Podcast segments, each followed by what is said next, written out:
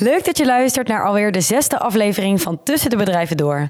Ik ben Tessel Zanstra, Business IT Consultant bij Conclusion Consulting. En in deze podcastserie pik ik telkens een van mijn collega's op om naar een ander Conclusion bedrijf op bezoek te gaan. Daar aangekomen bespreken we telkens een innovatie waar beide collega's in hun werk mee te maken hebben. In deze aflevering hebben we het over computer vision.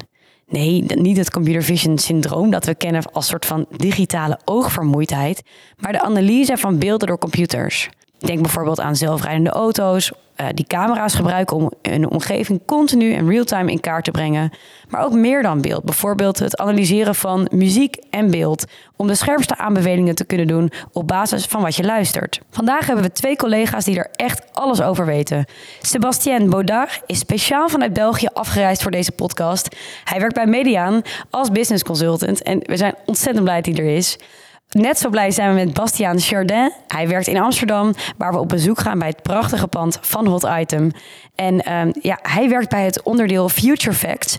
En uh, ik ben ontzettend benieuwd. Hij werkt als Chief Technology Officer. En uh, we gaan eventjes wat horen over de technologie computer vision. Leuk dat je luistert.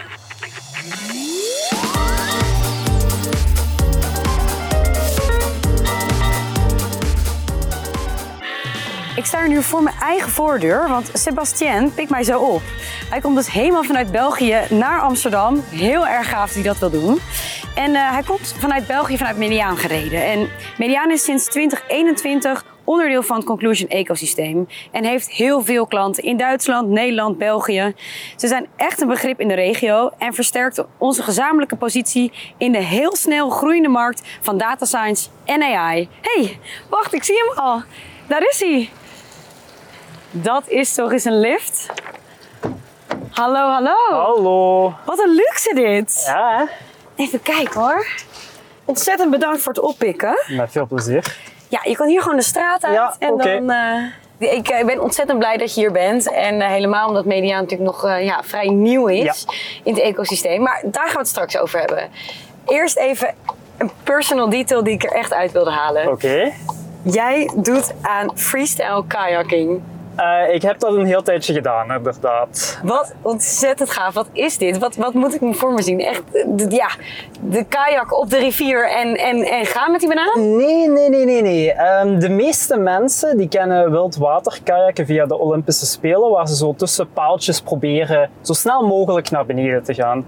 Freestyle kajakken is uh, tegenovergestelde, is eigenlijk proberen in de golven te blijven en uh, salto's te doen, ondersteboven gaan. Uh, dus heel veel techniek eigenlijk. Maar het is zo lang mogelijk in de golf zelf blijven. We gaan, uh, ja, we, ja, jij kent deze stad natuurlijk niet, Nee. maar we gaan hier rechtdoor. En ja, helemaal goed. Oké. Okay. En dan is het, nou, het is het zo'n 20 minuutjes vanuit de rivierenbuurt naar, naar Hot Item. Super. Hey, we hebben het net over passie. Volgens mij zit er ook in een ander deel van jouw leven veel passie. En dat is het werken bij, bij Mediaan. Ja, absoluut. Vertel. Wel, um, Mediaan staat eigenlijk voor kwaliteit. Dat is, dat is ons heel doel kwaliteit boven kwantiteit leveren. Um, ik heb vroeger voor andere bedrijven gewerkt waar kwantiteit het belangrijkste was. En ik was niet echt tevreden met het werk dat ik leverde, omdat ik wist dat de kwaliteit er niet was. Maar Mediaan heeft het zijn missie gemaakt om te zeggen: voor ons is kwaliteit ons grootste reclamepunt. Dus we gaan er ook volledig voor om alles te leveren wat de klant kan helpen. Oké, okay. en, en, wat is dan jouw rol als business consultant binnen Mediaan? Wel, heel vaak krijgen wij ook vragen van klanten dat zij een project manager of een scrum master of een release manager nodig hebben. Uh, wat ik dan probeer in te vullen, maar wij merken ook vaak dat wat de klant vraagt niet altijd is wat ze nodig hebben. Dus ik probeer ook te kijken, wat hebben jullie nodig, welk profiel? En dat, dat profiel zal ik dan ook wel invullen. Met dan de nodige hulp van mensen die expert zijn in dat domein. Wat betekent computer vision uh, in jouw woorden?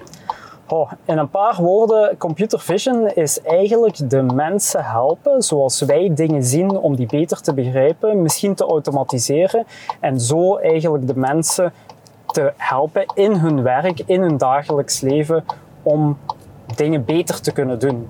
Om het Maar waar, zit dat beter doen dan? Waar zit dan die, die meerwaarde van deze technologie in? Wel, eh, computer vision kan veel dingen. Computer vision kan bijvoorbeeld gewoon het verfijnen van beelden doen, contouren aanpassen, maar kan ook dingen herkennen op eh, beelden of videofragmenten, waardoor dat wij dan van alles kunnen doen. Analyses eigenlijk kunnen loslaten op het. Analyses, waarschuwingen geven, eh, het helpen van mensen tijdens hun werk. Stel je voor dat je een kind hebt, eh, pas geboren, een paar maanden oud. Meestal, meestal, meestal wat we proberen te doen is dat we eh, boekjes aan dit kind geven, waar dan foto's in staan van een kat, van een hond. En meestal als ouder gaan we er dan bij zitten. Kijk, dit is een kat, dit is een hond. En een kind gaat op een of andere manier gaat hij bepaalde kenmerken van deze dieren associëren met het woord kat of hond. Dit is eigenlijk vergelijkbaar met computer vision en een neuraal netwerk wat daaraan verbonden is. Dus als wij genoeg afbeeldingen laten zien van een bepaald type en wij zeggen dit is een kat, dit is een hond, gaat er achterin een neuraal netwerk de eigenschappen van deze objecten leren en zo proberen als hij dan foto's, afbeeldingen krijgt die hij niet geleerd heeft, om dat ook te associëren met het woordje kat of hond, om het heel simpel uit te leggen. Als ik zo kijk en ook even naar, jou, naar jouw uitleg luister van computer vision en het herkennen van patronen in grote hoeveelheden data, dan lijkt dat, naar mijn idee, ook best wel op machine learning. Waar, waar zit nou het verschil in? Ja, het is wel belangrijk om te begrijpen dat niet alle machine learning computer vision is en computer vision niet altijd machine learning gebruikt. Um, Leg uit. Wel, computer vision kan um, het, aanle het zichzelf aanleren van objecten te herkennen. Het aanleren zelf, dat is machine learning. Maar niet, dat is niet altijd toegepast in computer vision. Oké, dus het, het leergedeelte, het, het herhaaldelijk Ja, ja, leren en eigenlijk analyses maken op een bepaalde situatie. Daar, dat is nou het onderdeel van machine learning. Ja. En computer vision gaat echt over de beeldkant. ja de beeldkant. We zijn er bijna. Nog één korte vraag. Hoe ben jij voor het eerst in aanraking gekomen met computer vision? Oh, mijn eerste project met computer vision. Ehm, mijn eerste project van computer vision was eigenlijk dat wij jonge boeren die eh, problemen hadden met hun gewassen. Dus ehm, alle gewassen, net zoals levende dingen, kunnen ziektes krijgen. Nu, deze jonge boeren hadden nog niet de ervaring om heel snel te herkennen welke ziekte is er nu op deze type van gewassen. En wat wij probeerden te doen, is om die ziektes zo snel mogelijk te herkennen door foto's te nemen van de bladeren, die dan door computer vision en het hele um, werk daarachter te voeren, om dan te kunnen zeggen, wel, wij denken met deze uh, percentage van zekerheid dat dit gewas deze ziekte heeft. En hoe sneller dat dat aangeduid werd, Ja. hoe sneller dat de boer kon ingrijpen. Waardoor dat er heel wat gewassen uh, gered konden worden en natuurlijk deze jonge boeren niet ophielden omdat hun oogst mislukt was. Dus het is echt een businesswaarde van zowel de, de, de, ja, het doorzetten van, of in ieder geval het geld kunnen verdienen ondanks dat je gewas eigenlijk een ziekte heeft. Uh, het, is, het is het redden van de natuur. Ja. Aan de ene kant wel uh, niet op een natuurlijke manier, maar er zit ontzettend veel achter waardoor dit van hele grote waarde is. Ja, absoluut. Wat een ontzettend leuk project. We zijn er bijna. We rijden hier naar het water en dan gaan we zo links de parkeergarage in. Volgens mij moeten we hier zijn. Hoi Bastiaan. Hallo. Hoi. Zijn we het goede adres hier voor de podcast? Jazeker. Top. Bastiaan, jullie hebben gewoon een eigen studio bij Hot Item. Ja, hoe, lang, cool, hoe lang hebben jullie hem al? Nou, ik denk zeker al uh, een jaar of acht. Heel, heel erg mooi. Maar um, zometeen meer over je locatie. Eerst ben ik even nog uh, ja, benieuwd naar jou. Ik, ik, leerde net al van Sebastien hele gave hobby, freestyle kayaking. Ik kan me niet voorstellen dat jij dezelfde hobby hebt. Moeilijk te overtreffen. Uh. Zeker. Wat is jouw, uh, nou, jouw hobby? Ik, mijn hobby's zijn skateboarden. Dus dat doe ik nog steeds. Daar ben ik in mijn kinderjaren mee begonnen. Dat, dat doe ik nog steeds. Dus dat, dat, dat vind ik erg leuk. En daarnaast uh, speel ik veel met mijn analoge synthesizers. En heb ik ook nog wat uh, thuis uh, AI en IoT hobbyprojecten. Oh, kijk, ook heel. Ja, dit, ik ben benieuwd of Sebastien hier straks weer overheen kan, maar daar, daar gaan we het straks over Moeilijk. hebben. Maar ook al meteen eh, het breng je hobby naar je werk en andersom eh, verhaal. Ik hoor allemaal AI eh, hobby, hobbyprojecten. Wat doe je? Nou ja, ik heb wat, wat thuisprojecten waar ik dingen probeer. Bijvoorbeeld met, eh, met drones. Dus ik ben ook eh, op dit moment eh, doe ik een klein testje of ik ook image recognition in drones kan toepassen. Leg uit. Dat is wel moeilijk hoor. Ja? Wat maakt het zo moeilijk? Nou ja, je moet, je moet een model wat je zelf ontwikkelt, moet je op een of andere manier beschikbaar stellen in, in zo'n drone. En dan, ja, daar is ook een specifiek operating system voor. En dat is allemaal heel low level code. Dus dan moet je heel diep, ja, heel diep gaan om dat eh, goed eh, te, te ontwikkelen. Er zijn geen standaard libraries of iets voor. Nee, precies. De moeilijkheid zit hem echt in het, in het connecten eigenlijk naar, het, naar de drone. Als we daar beschikbaar maken, dan in echt misschien in de technologie zelf. Ja, Maar ben je dan ook met deze technologie, echt met, met de computer vision bezig in, in je huidige werk? ja zeker. Ja, we hebben op dit moment eh, een aantal klantprojecten waar we computer vision use cases aan het ontwikkelen zijn. Ja. Oké, voordat we hierop ingaan. Jij werkt bij Future Facts. Wat doen jullie bij Future Facts? Uh, bij FutureFacts zijn we voornamelijk toegespitst op uh, het implementeren van AI en big data oplossingen bij klanten. Dus we proberen businessproblemen op te lossen met, uh, ja, met big data en AI-algoritmes. Heb je een voorbeeld? Ja, Tofste ik er, project? Ik heb er heel veel. En de tofste, ja. Ik, nou, ik denk op dit moment zijn we dus met een computer vision project bezig voor een vuilverbrander. Daarmee gebruiken we computer vision algoritmes om bepaalde uh, type uh, objecten te herkennen om het vuilverbrandingsproces mee uh, te verbeteren. Wat is grootste, de grootste uitdaging die zij nu hebben wat niet lukt zonder computer vision? Nou, er komen wel eens hele grote objecten in zo'n vuilverbrandingskanaal terecht. En dat leidt tot verstoppingen, hoge verbrandingproblemen. En die, ja, die de detecteren we dan. Wat maakt het nou eigenlijk zo leuk voor jou, Bastiaan, om bij Future Facts te werken? Um, nou, wat, buiten de inhoudelijke dingen waar we het net over hadden, denk ik, wat ik, wat ik leuk vind aan de cultuur bij, bij Future Facts en Not Item, is dat we echt, uh, ja, bring yourself to work noemen we dat. Dus je kan, je kan echt jezelf zijn. Uh, ik heb bijvoorbeeld hobby's zoals skateboarden en analoge synthesizers. Maar er zijn ook andere medewerkers, uh, surfers, kajakkers hebben we ook. Um, en dat, ja, dat, dat kan je ook uitdragen en dat maakt het een hele fijne plek om met elkaar samen te werken.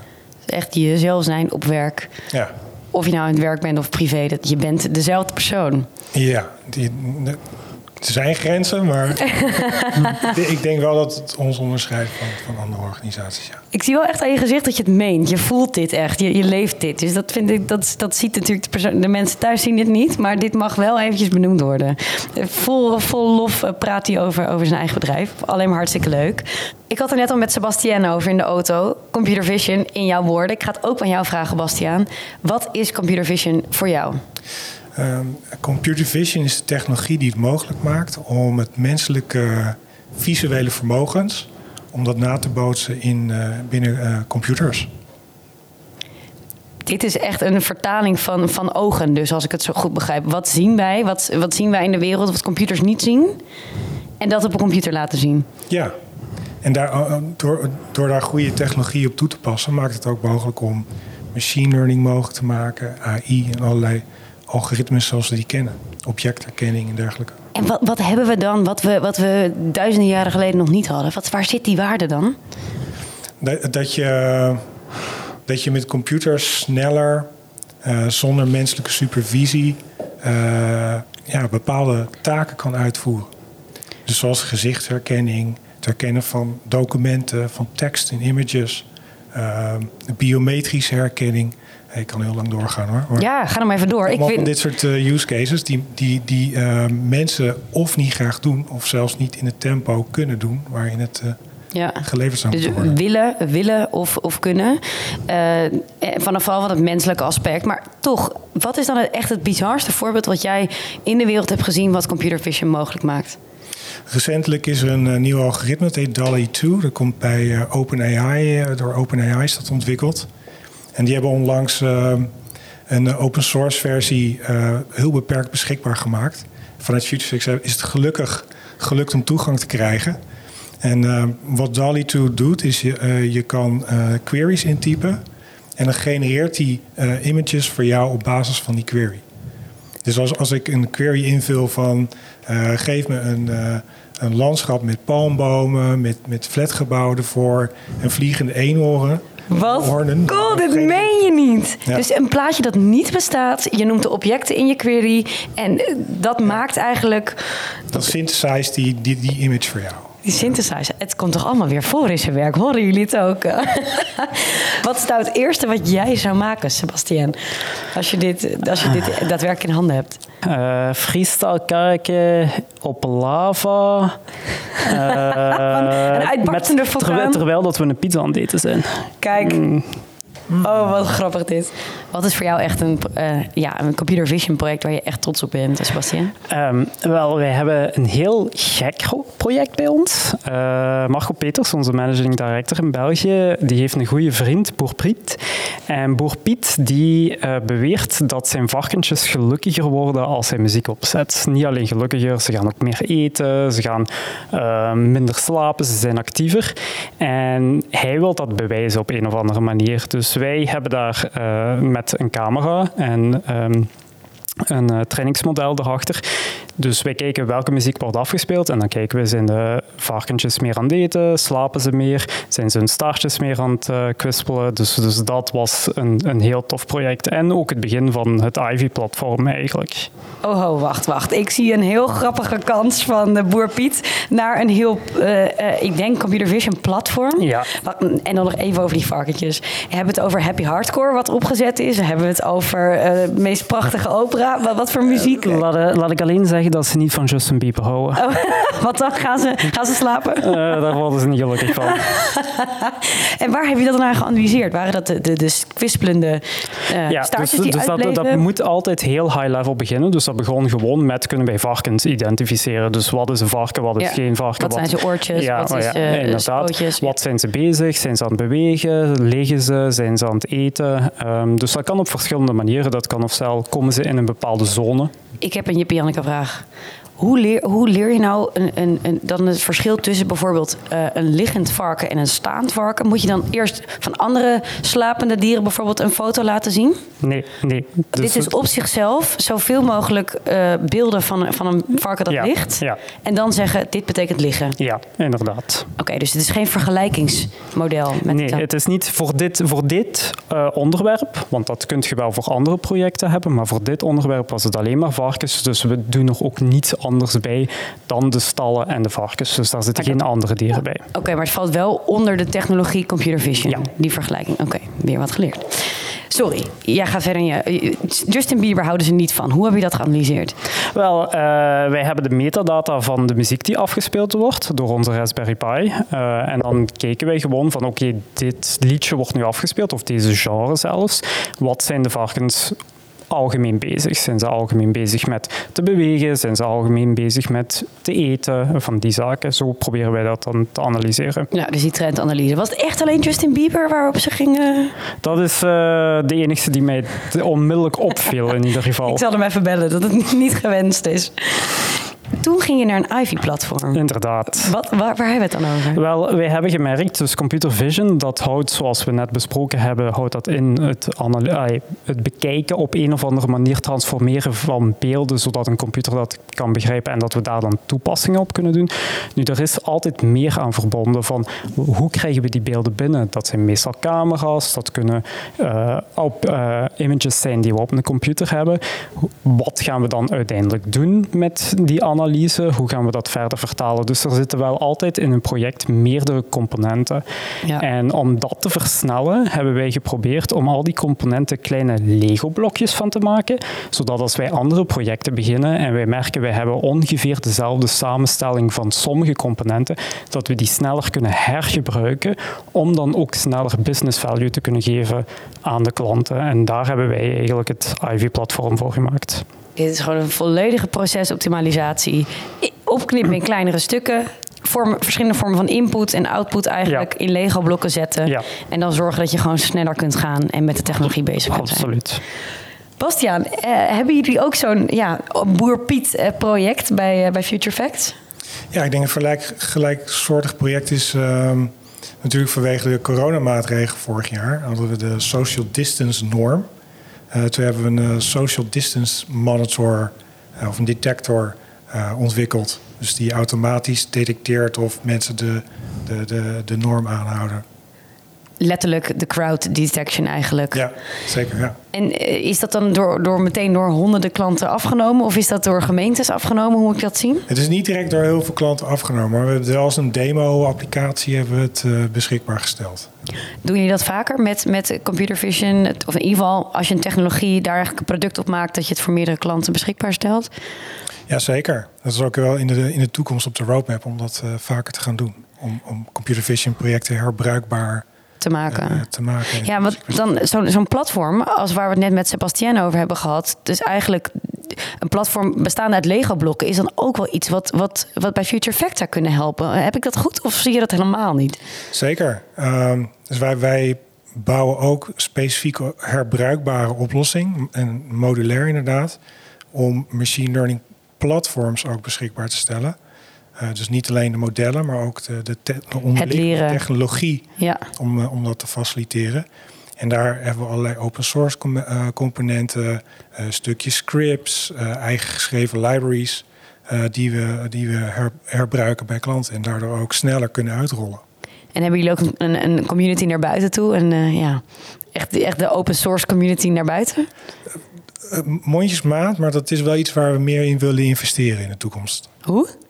Nou, door, door bij te dragen aan nieuwe libraries of zelfgemaakte libraries zelfs op de open source, uh, in de open source community beschikbaar te stellen. Maar kun je dat dan samen met Mediaan uh, oppakken? Is dat iets wat je... Je kan toch samen nieuwe libraries schrijven en zeggen... conclusion libraries, here we go. Ik zie al een vervolg-event aankomen. Kunnen we zeker. Goed zo. Tuurlijk. Hebben we er ook zin in? Ja, we weten elkaar te vinden. Dat, uh, dat, uh, ja, kennen jullie elkaar al voordat we deze podcast uh, gingen opnemen? Persoonlijk niet, maar onze bedrijven werken wel samen op ja. projecten. Oh, je werkt al samen? Ja. Vertel. Zeker, zeker. Nou, op dit moment hebben we een groot project bij de KLM. Daar hebben we een tender gewonnen vorige maand. Samen ook echt? Ja, twee maanden geleden hebben we een tender gewonnen. En daar zijn we nu bezig om data gedreven allerlei optimalisatie rondom crew planning, uh, bagagehandling, et cetera.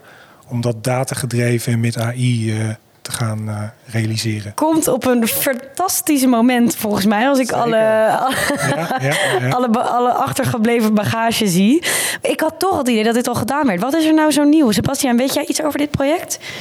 Uh, dit specifiek project niet. Ik weet wel hoe dat we er naartoe gelopen zijn. Uh, namelijk dat ja, voor Mediaan was het effectief, wij waren aan het kijken hoe kunnen wij in een ecosysteem terechtkomen waar dat wij heel actief met andere mensen kunnen samenwerken. Nu, we zijn er nog niet zo lang in. Eigenlijk uh, de voorlaatste op dit moment.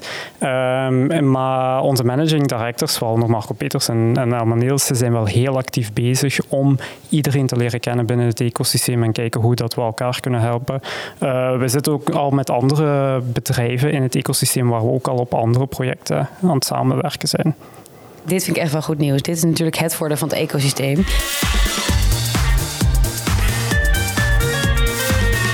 Gaan jullie om uh, met foutmarges in, een, ja, in de beeldherkenning? Zijn, zijn hier een soort van uh, goed-fout ratio's of hoe werkt dat? Um, dat hangt een beetje van project tot project af. Uh, we gaan natuurlijk klanten hebben die zeggen van ja, als wij als de foutmarge, dus dat het een, wat wij noemen een false positive, dat het niet goed gedetecteerd is. Als dat echt een zware business impact is, ja, dan moeten wij daar heel sterk op trainen dat er zo weinig mogelijk fouten worden gemaakt. Natuurlijk zijn er ook projecten waar dat die foutmarges een pak lager mogen liggen en waar dat het dan ook makkelijker is om sneller een product op de markt te brengen, want we moeten niet eindeloos trainen totdat wij een bepaald percentage halen. Hoe lang duurt dat trainen dan eigenlijk? Moeilijke vraag, want dat gaat één afhangen van de foutmarge. Wat, wat is de threshold wat we moeten halen? Ook de data die beschikbaar is. Want vaak merken we dat de data ofwel te weinig is of niet goed is. Dus vrij lastige vraag. Dat verhoogt natuurlijk ook weer uh, je, je, foutmarge. Mm -hmm. Maar waar hebben we het dan over met een foutmarge? Mag het 50% uh, goed of fout zijn? Mocht het, verschil tussen een, uh, ik zeg even een kip en een haan, is dat toegestaan? Is dat... Ik denk nog eventjes in het voorbeeld van Boer Piet natuurlijk. Ja, tuurlijk. Um, nu bij Boer Piet mag het wel bijvoorbeeld zijn dat uh, als wij 10 tot 20 procent maximum van de varkens niet goed detecteren, heeft dat niet een enorme business impact bij hem. Um, hij kan al de algemene trends zien, de, de 80-20 regel waar ja. iedereen over praat. Ja. Dus daar, daar kunnen we zien, oké, okay, algemeen heeft deze muziek invloed op de varkentjes. Ja, dat, en dat is, is wat hij wilde bewijzen. Ja, dat is wat hij wilde bewijzen. Dus zijn businessvraag is beantwoord en daar ging het hem om. Ja. Maar toch, ik ben nog even benieuwd. Ik kijk ook even zo met een schuin oog naar Bastiaan. Hoe, foutmarges, wat zie jij in jouw projecten? Hoeveel procent mag dat meestal zijn? Nou, meestal spreek je met de business af wat, wat de exacte KPI's zijn. Dus je wil echt, je wil echt een uh, duidelijke afspraak hebben voordat je met zo'n traject begint. Wat wil de business, de stakeholder? wat zijn nou de, de minimale performance criteria die verwacht worden? En begrijpt de business dat ook goed genoeg om eigenlijk antwoord op te kunnen geven? Niet direct. Daar moet je, daar moet je, dat, moet je in trainen. Dat consult. Ja. Dus dat doen we ook. Ja, ja. Dus daar, daar, moet je, daar moet je een stakeholder in meenemen. In hoe je precies zo'n performance uh, criterium, hoe je dat uh, ja. vaststelt. Ja. ja daar zijn natuurlijk ook alweer allemaal hulpmiddelen en templates voor. Ik begreep ook dat er een soort human performance benchmark is. Dus eigenlijk waar een AI-algoritme eh, af wordt gezet tegen de beste menselijke prestatie. Dan heb je dus die, die foutmarge, dat, dat bestaat dan niet meer. Heb, je hier een voorbeeld van, Bastiaan? Nee, je hebt dan nog steeds een foutmarge. Maar eh, met een human performance metric, ik neem even een voorbeeld, een treffend voorbeeld. In een technologie die heet reinforcement learning. Dat wordt ook wel toegepast in uh, videogames bijvoorbeeld, Mario Brothers voor, voor, uh, bijvoorbeeld. Um, daar wordt op heel veel data van de, best, uh, de beste players in Mario Brothers wordt dan een model getraind om, dat, ja, om die game te spelen. En dan wordt er een human performance benchmark bijgehouden. En op een gegeven moment zal je zien, een heel goed getraind model met het juiste algoritme, die gaat op een gegeven moment beter performen dan ja. de best spelende mens. En dit zien we ook bij uh, computer vision, bijvoorbeeld bij uh, character recognition. Uh, dus het herkennen van letters of cijfers en cijfers in, in plaatjes. Daarvan zien we nu al dat de meeste algoritmes, beschikbare algoritmes, dat die beter zijn dan de menselijke variant. Maar toch zien we bij Google nog steeds dat je vijf letters moet herkennen in zo'n scheef, scheef plaatje. Kan dat dan straks niet meer? Ja, dat kan zeker, uh, zeker. Maar een mens moet dat doen om, om zich te authenticeren. Ja, maar als een computer het ook kan, dan is dat toch niet meer een beveiligingsonderdeel? Uh, ja, je zou inderdaad, maar dan moet een mens dat nog steeds doen. Dan zou je echt iets moeten schrijven, een algoritme die het plaatje eruit haalt en dan, en dan met een algoritme dat uitscoort en dan automatisch ook nog eens invult. Dat is een behoorlijke exercitie. Kan wel. Nou ja, als we over een hobbyprojectje hebben, dan heb ik er nog wel een. Kan. Dat kan wel. ik, denk, ik denk dat ik het wel zou kunnen, ja. Met alle data die we inzetten voor computer vision, hoe zorgen we er eigenlijk voor dat het inzichtelijk blijft welke data een computer gebruikt om de keuzes op te baseren? Dus ja, eigenlijk welke risico's ontstaan er wanneer dat niet meer transparant is? Ja, um, je zegt het al, welk risico is het als het niet meer transparant is? Dus je wilt eigenlijk proberen om het zo transparant mogelijk te maken. Uh, een van de dingen is de human in the loop. Dat is eigenlijk dat de computer wel kan voorleggen of het algoritme kan voorleggen. Kijk, ik denk dat dit het object is of dit de juiste keuze is om te maken, um, als we het over algemeen AI hebben. Um, maar dat uiteindelijk nog de eindbeslissing bij uh, de mens zelf zit. Dus die pas zegt van oké, ik ben akkoord, jij mocht dit doen of jij mocht dit niet doen. Uh, natuurlijk moeten we ook altijd oppassen met de datasets zelf, dat die te fel gefocust zijn op één bepaalde groep.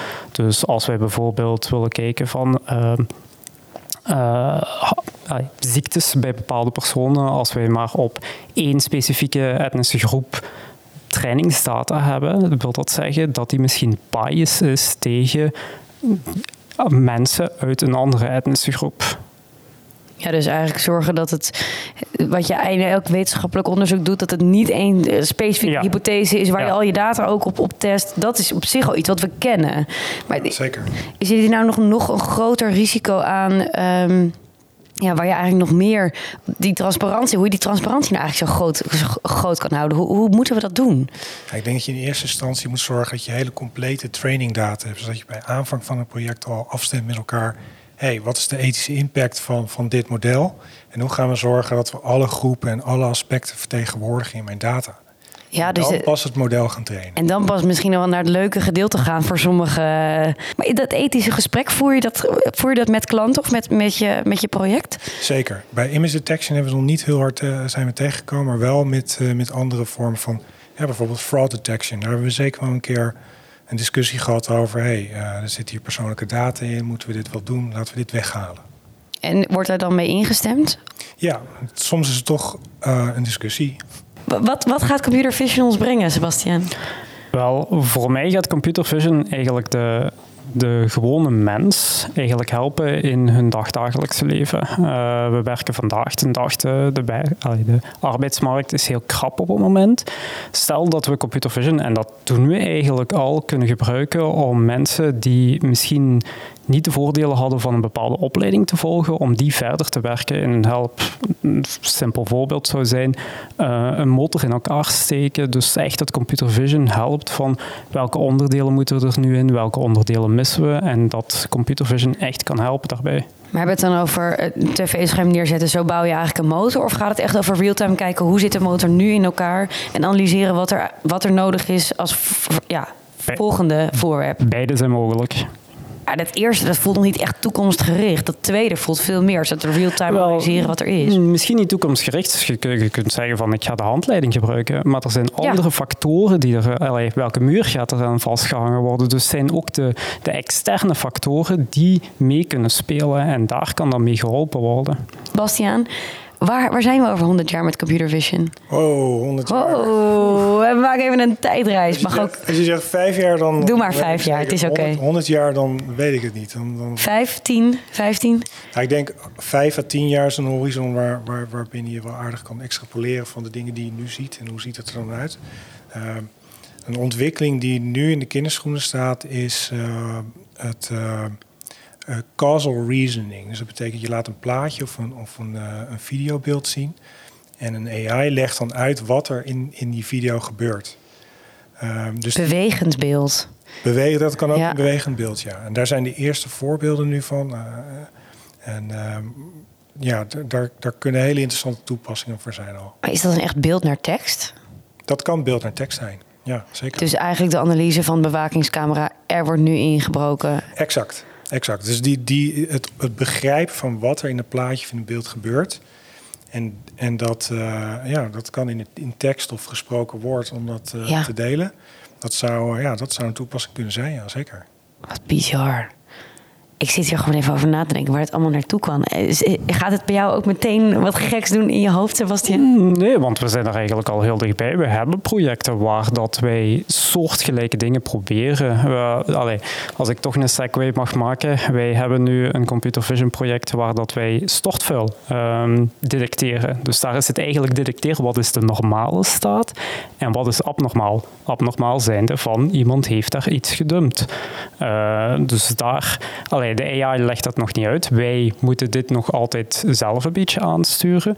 Maar we zijn die richting aan het uitgaan. Dus Echt de volgende stap die, die heel dichtbij is. Ja. Ik zie wel eh, veel eh velverwerkingssamenwerkingen bij, jullie, bij jullie. Klopt dat? Blijkbaar is de noodzaak wel het grootste Nou ja, moment. dat is wel het gevoel dat ik krijg. Veel, veel kansen, veel value. Cool. Ontzettend bedankt in ieder geval voor deze, voor deze antwoorden. Dit was in ieder geval weer de Computer Vision aflevering van Tussen de Bedrijven Door. Hopelijk hebben jullie net zo genoten als wij drieën hier in Amsterdam. En heel graag tot de volgende aflevering.